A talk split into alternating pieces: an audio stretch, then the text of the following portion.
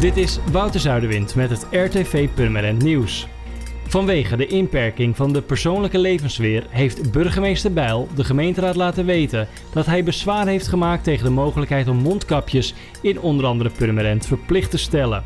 Regio Zaanstreek-Waterland heeft besloten die mogelijkheid in de noodverordening op te nemen.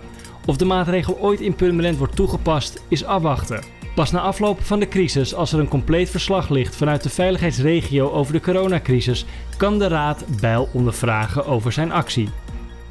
Een ongeval heeft gistermiddag voor een lange file op de A7 richting Purmerend gezorgd. Een motor en een bestelauto kwamen met elkaar in botsing tussen Weidewormer en Purmerend Zuid. Het is nog onduidelijk wat de precieze oorzaak van het ongeval is. Tennisvereniging Weidewormer is op zoek naar versterking. De club die tegen Weidevenne aan ligt heeft een speciale kennismakingsactie voor nieuwe leden. Je kunt hierbij een van de vier Smash Court banen gebruiken zonder dat je inschrijfgeld betaalt. Nieuwe leden mogen twee maanden gratis spelen, waarna er alsnog gewoon inschrijfgeld moet worden betaald. En met ingang van 1 september gaan de bibliotheekvestigingen in onder andere Beemster en Purmerend weer open volgens normale openingstijden. Ook zijn werkplekken en computers weer beschikbaar. Vanwege de coronamaatregelen zijn er nog wel een paar coronaregels waar de bezoekers van de bibliotheek zich aan dienen te houden.